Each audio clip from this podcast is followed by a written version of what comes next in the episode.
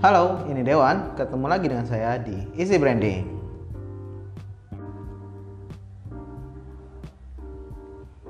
Nah, obrolan kita kali ini tentang sedikit tentang apa ya? Bukan makanan, tapi ingatan. makanan sama ingatan apa hubungannya? Saya jadi pernah nggak sih kita uh, dalam situasi kita memakan nih gitu ya atau kita sebenarnya kayak pengen sesuatu gitu. Tapi kita nggak bisa merecall gitu. Uh, kemarin tuh makan di sana ya aku tapi lupa namanya di mana gitu. Atau di recall lebih lama lagi. Aku tahu dulu setahun yang lalu tuh makan gitu di satu restoran. Tapi aku lupa namanya apa. Posisinya juga lupa lupa ingat gitu deh gitu. Aduh apa ya namanya ya? Di mana ya? Kayak gitu. Pernah ngerasain pernah kali ya mungkin nggak cuma makanan. Oh, pernah datang ke toko itu atau pernah datang ke pantai itu atau pernah ke mana kayak gitu. Pernah ke suatu tempat pernah ketemu orang itu atau siapa pun lah gitu. Tapi intinya kita sulit gitu. Sedang kita uh, kesulitan merecall merecall uh, memori itu gitu. Pertanyaannya kenapa kita bisa lupa? Kayak gitu. Kenapa kita bisa lupa sesuatu yang pernah kita rasakan sebelumnya? Tentu namanya lupa ya bisa macam-macam faktornya bisa usia bisa apa namanya emang gak diinget. Kayak gitu. Bisa emang uh, sesuatu yang gak penting buat hidup kita kayak gitu. Jadi kita udahlah di, di, dilupakan gitu. Jadi sengaja melupakan ya kayak perasaan aja dilupakan. Nah karena yang namanya juga manusia tempatnya salah dan lupa jadi yang namanya lupa itu kayaknya wajar aja. Ya kayak uh, tapi itu dalam konteks manusianya gitu. Karena ya manusia banyak lupa. Tapi jangan tapi pernah juga kan gitu. Pernah juga uh, kayak lupanya itu bukan karena kitanya. Kitanya tuh merasa baik-baik aja tapi yang bikin susah diingat itu itu ya nama tempatnya gitu. Atau nama bisnisnya atau nama warungnya nama ya kayak gitu gitu ya apa ya tempatnya ya? Aduh aku lupa. Tahu sih tempatnya kayaknya uh, apa namanya warungnya catnya putih terus kayak gini kayak gini parkirannya luas gitu. Terus uh, lampunya bagus banyak kayak gitu. Misalnya terang banget tempatnya kayak gitu. Mungkin kita bisa ingat gitu. Tapi uh, sering kali kita lupa gitu pada pada satu hal yaitu kayak identitas bisnisnya itu. Jadi orang tuh cuma ingat experience-nya tapi dia merecall namanya apa ya aduh lupa gitu kayak gitu. Apalagi emang nama brand atau merek si bisnis itu juga dari awal terlalu tidak uh, terlalu sulit untuk diha di, dihafalkan gitu. Terlalu sulit dihafalkan. Nah tapi terlalu sulit untuk dihafalkan itu bisa dua macam. Bisa memang memang panjang banget jadi kita ngapain sih ngapalin nama toko orang aja lengkapin kayak gitu jadi males gitu kita ngingetnya. Atau atau justru terlalu umum gitu. Justru hal yang terlalu umum itu malah juga bikin kita sering, mudah, mudah banget lupa. Jadi uh, masuk akal aja gitu. Masuk akal aja orang lupa itu bisa satu faktor manusianya bisa juga faktor emang bisnisnya. Bisnisnya itulah bisnisnya sendiri brand itu sendiri yang membuat dirinya itu mudah dilupakan. Nah jangan sampai bisnis kita brand kita itu mudah dilupakan orang lain gitu apalagi sengaja dilupakan. Nah itu jangan sampai. Kayak gitu. Walaupun kayak gitu walaupun kita tidak bisa gitu ya tidak bisa meng apa ya uh, mengontrol gitu ya. Kita nggak bisa mengontrol perasaan orang lain. Kita nggak bisa mengontrol pikiran orang lain. Nggak bisa gitu.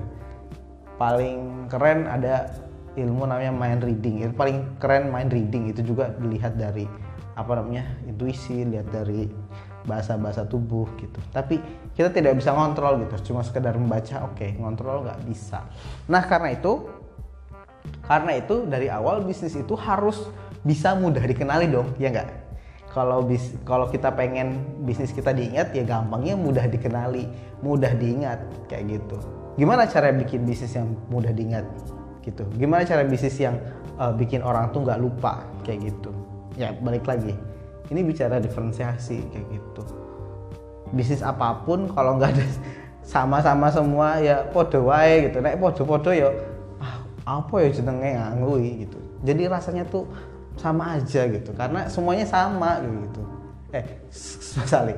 Semuanya tuh su, kelihatannya tuh ya karena semuanya sama jadi mau diinget yang mana ya ya paling ya yang mana aja lah gitu sama aja gitu. Jadi nggak kontras gitu. Kalau bisnis nggak punya perbedaan berarti dia nggak punya titik kontras. Kalau dia nggak punya titik kontras orang kan mudah melupakan gitu. Lah ya bisa beli di sini sama beli sana sama aja kok podo wae ya kan jadi uh, bicara diferensiasi itu penting banget kayak gitu. Dia nggak cuma tentang apa diferensiasi itu nggak cuma tentang uh, bagaimana kita membedakan diri kita dengan yang lain. Bukan gitu. Ini berefek pada sampai orang tuh mudah mengingat atau enggak kayak gitu jadi jangan sampai itu terlewat nah selain selain diferensiasi nah ini bicara identitas yaitu nama yaitu merek kayak gitu. Nah kalau nama merek kita itu juga terlalu uh, apa tadi ya terlalu ya udah sih sama aja gitu sama yang lain. Itu juga sus itu juga bikin kita uh, bikin bisnis kita itu mudah mudah dilupakan. Itu gimana dong ke bisnis agar bisnis kita tidak mudah dilupakan eh, CLA dilupakan gitu ya indikatornya bisa macam-macam sih gitu. Yang paling pertama of course paling sederhana adalah yang namanya bis atau merek. Ya, kalau bisnis itu berarti harus punya merek yang mudah diingat. Itu pertama. Nah mudah diingat itu adalah merek yang satu mudah simple dan tidak terlalu panjang. Itu dulu. Gitu. Itu kan kemarin deh ya. E, kayak namanya merek itu nggak boleh panjang-panjang. Paling banyak empat kata. Empat kata suku kata sorry. Empat suku kata. Nggak boleh lebih dari itu empat suku kata jadi misalnya kayak sebutin aja gitu sebutin aja. Cari di cari di warung-warung uh, bungkusan-bungkusan yang mereknya sudah nasional ya cari coba. Ada nggak merek yang lebih dari empat suku kata susah nyarinya mesti kurang dari itu. Maksimal 5 tapi saya nggak terlalu sarankan. Harus kalau bisa bawah dari empat. Paling maksimal empat suku kata yang pertama. Yang kedua kayak gitu simple dan mudah itu artinya juga merek kita brand kita itu mudah di satu diingat. Kayak gitu. Sorry mudah diucap dulu. Jadi kan pertama kali makan di mana? Bahkan di bakso uh, setan. Makan di mana? Makan di bakso malaikat. Makan di mana? Makan di bakso orang keren gitu misalnya. Apa pun lah nama mereknya. Nah di bakso setan misalnya gitu. Mereknya itu setan berarti. Setan itu mudah diinget nggak? Kayak gitu kata itu dulu atau bakso mutiara. Mutiara itu mudah diingat apa enggak? Bakso mutiara. Sakit tuh ya giginya. Terus bisa dimakan. Uh, bakso ganas. Bakso apa lagi granat. Bakso apa lagi kok jadi bakso terus nih? Rasanya kayak lapar aja buah-buahnya tapi intinya satu ketika diucap gitu nama mereknya nama mereknya itu mudah diucap gitu. Jadi nggak susah gitu. Jadi secara kalau secara lisan aja kita susah nyebutinnya ya mohon maaf lebatin gitu. uh, susah gitu. Jangan sampai. Satu mudah diucap. Karena mudah diucap biasanya orang akan mudah diingat juga. Sesuatu yang mudah diucap pasti mudah diingat. Itu aja dulu. Coba aja misalnya disebutkan gitu ya. Tadi misalnya bakso granat. Granat granat granat. Semua orang kok begitu disebut granat? Ayo ucapkan sekali lagi. Ya bisa langsung gitu granat sebutkan lagi granat. Nah, itu karena gampang katanya. Jadi mudah diucap mudah diingat juga. Kayak gitu. Maka cara saya mengecek apa cara saya ngecek merek saya itu mudah atau tidak mudah diucap simpel atau nggak simpel dia tanya orang aja gitu. Sebanyak mungkin orang yang saya tanya apalagi cocok dengan target marketnya itu bisa bikin bisa memvalidasi oh ternyata merek yang lagi saya buat itu simple atau nggak simple kayak gitu nah yang ketiga mudah diucap mudah diingat. Orang juga akan nulis. Kenapa? Karena sekarang zaman online ya zaman digital. Ah makan di mana? Di situ. Oke gue searching dulu ya. Kayak gitu kan. Kalau di searching dia nggak ada. Atau dia searching salah ketik. Kalau emang orangnya dodol terhadap typo sih oke okay lah. Tapi karena kalau dia nggak typo tapi dia salah tulis karena dia pikir tulisannya adalah seperti yang dia tuliskan berarti ada yang salah gitu. Jadi kalau bisa gitu ya wawancara orang itu selain dia uh, ngucapin dia ingat coba suruh dia tulis ulang. Sama nggak tulis cara penulisannya dengan cara dengan cara penulisan merek kita? Kalau sama oke okay, kayak gitu. Itu bikin kita punya merek yang simple. Gitu mudah diucap mudah diucap mudah diingat mudah ditulis. Biasanya saya at least tanya 20 orang tanya 50 orang kayak gitu. Eh coba deh aku sebutin kata misalnya gitu ya uh, saya sebutin gitu apa? Coba tulis kayak gitu. Ketika lebih dari 90% orang nulisnya nggak salah berarti itu udah uh, merek yang simple. Kayak gitu. Yang ketiga kayak gitu. Sesuaikan dengan kategori market dan industrinya. Jangan sampai out of context kayak gitu. Misalnya nih uh, anda jualan industri makanan Korea kuliner makanan Korea atau fast food atau bukan fast food frozen food makanan Korea. Kalau sudah kayak gitu jangan lupa nih jangan lupa apa? Ada nuansa Koreanya tuh harus dapet kayak gitu. Jadi jangan sampai uh, makanan Korea mereknya Rahayu gitu nggak nyambung. Kayak gitu. Bukan Rahayu jelek bukan tapi kan nggak nyambung gitu. Atau rumah makan Pasundan isinya makanan uh, Bugis nggak masuk kayak gitu. Jadi uh, sesuai gitu target marketnya sesuai dengan industrinya. Kalau target marketnya ibu-ibu maka coba cari merek yang dekat dengan uh, dengan dengan persepsi ibu-ibu. Kata-kata yang biasa biasa digunakan oleh ibu-ibu. Kalau anda bicara bisnis otomotif coba cari kata-kata yang dekat dengan otomotif misalnya cepat fast performance apa pun kayak gitu ya. Uh, bandel atau apa kayak gitu gitu jadi cari kata-kata yang sesuai gitu. Dekat dengan target market anda atau dan atau uh, industri yang sedang anda mainkan. Selanjutnya jangan pernah usahakan tidak menggunakan urutan konsonan dan urutan angka atau angka angka walaupun satu digit. Usahakan tidak menggunakan itu. Kenapa? Karena gini menggunakan konsonan menggunakan konsonan itu tuh mirip dekat banget sama bisnis finansial. Dan bias, biasanya bisnis finansial itu modalnya gede. Kalau modalnya gede itu ya susah gitu. Mau ngelawannya gimana? Kalau misalnya kita punya bisnis e, mereknya itu urutan konsonan gitu ya XYZ BCA MNC gitu ya. Itu itu permainan perusahaan besar itu. UKM jangan mainin itu. Bunuh diri itu namanya kayak gitu. Tapi kan e, nggak uh, selalu uh, finansial kayak gitu. Iya oke okay, gitu. Benar juga. Tapi coba cari domainnya gitu. Ketika anda mau bikin website wow itu mahal banget. Bikin website dengan uh, cuma tiga suku kata kayak gitu. Wah bisa bisa mahal. Bisa puluhan juta bahkan ratusan juta. Dulu saya pernah tuh searching uh, searching domain namanya ok.id ok titik id ok.id ok.id itu harga domainnya 500 juta.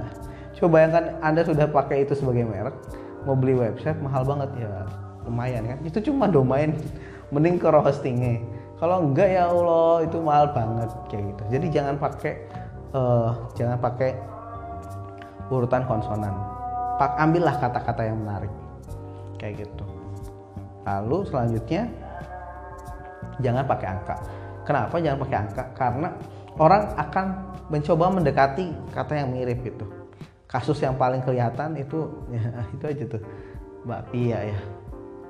Setahu saya kalau menurut perkataan orang-orang kayak gitu rumornya sih yang duluan beken itu atau yang duluan bikin itu namanya 75 tapi yang sekarang paling terkenal itu bukan 75 25 apa 45 gitu.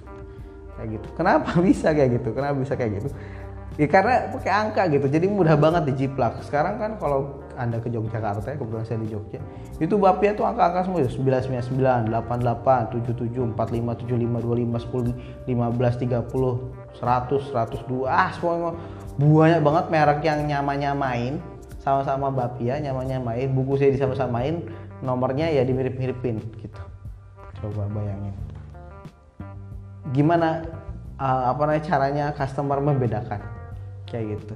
Ya memang ada caranya sih kayak gitu. Makanya disediain uh, apa namanya disediain beca yang langsung dibawa ke tokonya kayak gitu. Memang ada tapi kan nggak semua orang kayak gitu. Selain itu secara secara brand udah kecelek kayak gitu. Anda sendiri yang membuka peluang orang untuk menjiplak. Jadi jangan sampai menggunakan merek dengan kat, dengan angka atau dengan urutan konsonan A B C X Y Z dan segala macam karena itu akan memudahkan orang untuk menjiplak kayak gitu kalau dengan kata yang ya normal gitu katanya itu orang akan lebih sulit dibanding menggunakan urutan konsonan kayak gitu. Uh, terakhir tentang kalau bikin merek, kalau bisa terasosiasi oleh diferensiasi. Maksudnya gimana? Maksudnya gini. Jadi kira-kira uh, perbedaan Anda atau USP Anda itu bisa mungkin saja, mungkin loh, mungkin itu bisa disebutkan gitu. Bisa disebutkan uh, dalam mereknya gitu. Misalnya disebut saya pernah datang ke satu brand udah tutup kayaknya bakso granat namanya. Kenapa disebut bakso granat? Karena di dalamnya tuh pedes kayak gitu. Jadi ada bakso yang di dalamnya tuh udah di adonannya tuh udah udah sama cabai jadi udah pedes gitu nggak usah dikasih sambal duh apa namanya? Nggak usah dikasih sambal udah rasanya rasanya pedes. Ya itu bakso granat kayak gitu. Nah jadi ada diferensiasi dalam nama itu yang yang dia sudah menjelaskan merek uh, si merek itu sudah menjelaskan isi produknya kayak gitu. Itu terasosiasi diferensiasi tidak harus selalu begitu tapi uh, kalau bisa menggunakan itu itu bagus banget. Jadi itu bisa membuat orang ah situ aja lah baksonya yang pedas kayak gitu. Langsung. Orang langsung milih karena nama mereknya. Kayak gitu. Karena apa? Karena dari promisnya langsung begitu. Jadi gitu. E, bisnis yang mudah dilupakan sebenarnya bisnis yang identitasnya juga mudah dilupakan. Bisnis yang mudah diingat membuat orang juga akan mudah mengingat bisnis kita. Jangan sampai anda salah ganti e, salah bikin merek. Jangan sampai anda kecelek bikin merek yang justru memberikan risiko masa depan membuat orang mudah menduplikasi. Bikin merek, bikin brand memang tentang bagaimana gitu, bagaimana tentang memilih kata dalam benak konsumen. Nah itu kata mbahnya branding, kayak gitu. Jadi memang bicara branding, bicara merek, bicara slogan gitu, itu bicara permainan kata, gitu, bicara permainan otak-atik kata kayak gitu. Nanti kita bisa bahas di bab berikutnya tentang uh, bagaimana uh, fusi-fusi uh, bagaimana merek-merek terkenal tuh gimana sih caranya mereka ngambil-ngambil uh, ngambil-ngambil nama coplok-coplok-coplok sehingga jadi sebuah uh, merek baru bagi bisnis itu. Begitu, terima kasih. Semoga menginspirasi. Assalamualaikum warahmatullahi wabarakatuh.